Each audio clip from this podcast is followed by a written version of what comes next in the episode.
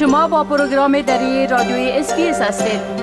گزارشات عالی را در sbs.com.au دری پیدا کنید. حال با جاوید روستاپور خبرنگار پروگرام دری در کابل به تماس هستیم که اونا در باره تازه ترین رویدادها در افغانستان معلومات میتن آقای روستاپور سلام عرض می‌کنم. خب اولتر از همه اگر درباره شکایت مردم پیرامون عملیات تلاشی را که طالبا در کابل و در چند ولایت همجوار راه اندازی کرده معلومات بتین با سلام و وقت شما بخیر. بله امان بوده که شما اشاره کردین. امارت اسلامی طالبان از یک عملیات گسترده و تلاشی خانه به خانه در کابل خبر داده و هدف این عملیات را بازداشت افراد مغریز و قولی از دوز یاقی و افرادی که می‌خواهند نظم را برهم بزنند عنوان کردند. اما شماری از شهریان کابل که خانه های از از سوی نظامیان طالبان تلاشی شده شکایت دارند که کسایی که به خانه از یا وارد میشن به حرف مردم گوش نمیدن و وسایل لوازم خانه هایشان را تیت و پراگنده می‌کنن و تلاشی از یا به گونه بسیار غیر مسلکی است. شهروندان کابل تاکیدشان است که اقدام نقضی است بر حریم خصوصیشان. از سوی دیگر ویدیوهایی هم که در شبکه های اجتماعی دست به دست میشه نشان می‌دهد که در بررسی خانه به خانه حتی بکس ها بکس های لباس های زنانه قفلایشان شکسته شده و لوازمی از یاد لباس هایی که داخلشان بوده پراغنده ساخته شده. در این میان چیزی که جالب است شماری از خبرنگاران نیز از بررسی محل زندگیشان که از ولایات عملا در کابل در کمیته مسئولیت خبرنگاران یا زندگی می‌کنند.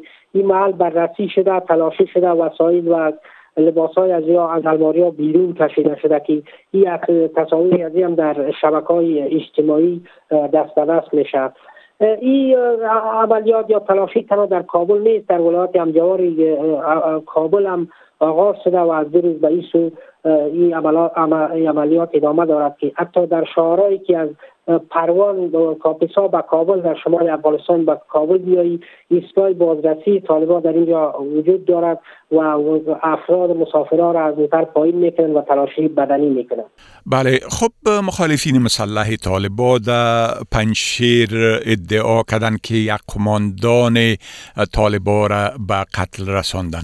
اگر در این باره لطفا معلومات بتین دقیقا صبغتلای احمدی سخنگوی جبهه موسوم با مقاومت ملی با نشری تصاویری از یک مردی در صفحه تویترش گفته که این جسد از فردی به نام ملایزتلای کندهاری که فرمانده قطعه سرخ طالبان است توسط جنگجویان این جبهه در مربوطات ولسوالی شتل پنشیر در یک کمین کشته شده. آقای احمدی افزوده که ملاحظت الله با هشت تن از جنگجویان یا افراد زیر دستش در این رویداد کشته شده و چندین تن دیگر زخمی شدند.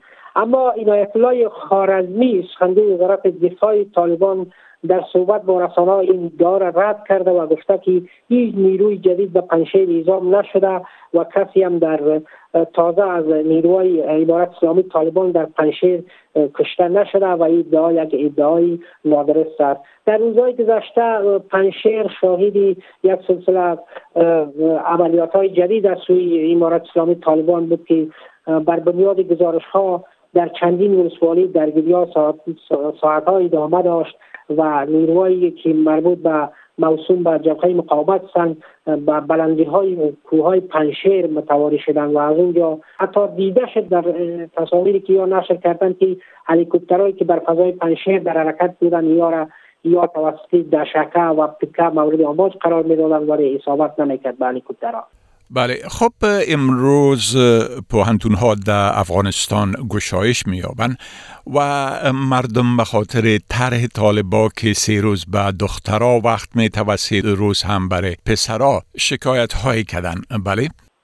دقیقا طرح آغاز دروس حضوری محصلین که از سوی وزارت تحصیلات عالی امارت اسلامی امگانی شده در این طرح آمده که دختر خانم های محصل می‌تونن که در هفته سه روز و همچنان نه تنها دختر خانم های دختر خانم بلکه پسران محصول هم سه روز برای از یا فرصت داده شده و سه روز برای دخترها که برای حضور درس در پانتونا حاضر شند این طرح طرز عمل همگانی شده و به رسانه ها درس کرده.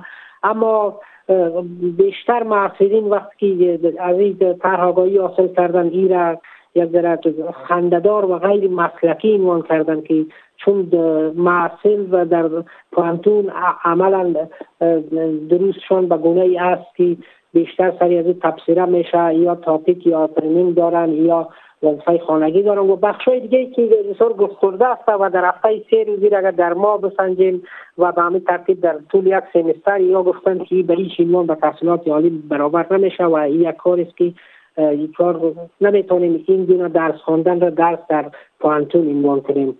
تاری بازگشایی پانتون های دولتی بیشتر در ولایت پروان امگانی شده و با واکنش های بسیار تندی از محصلین برخورده است.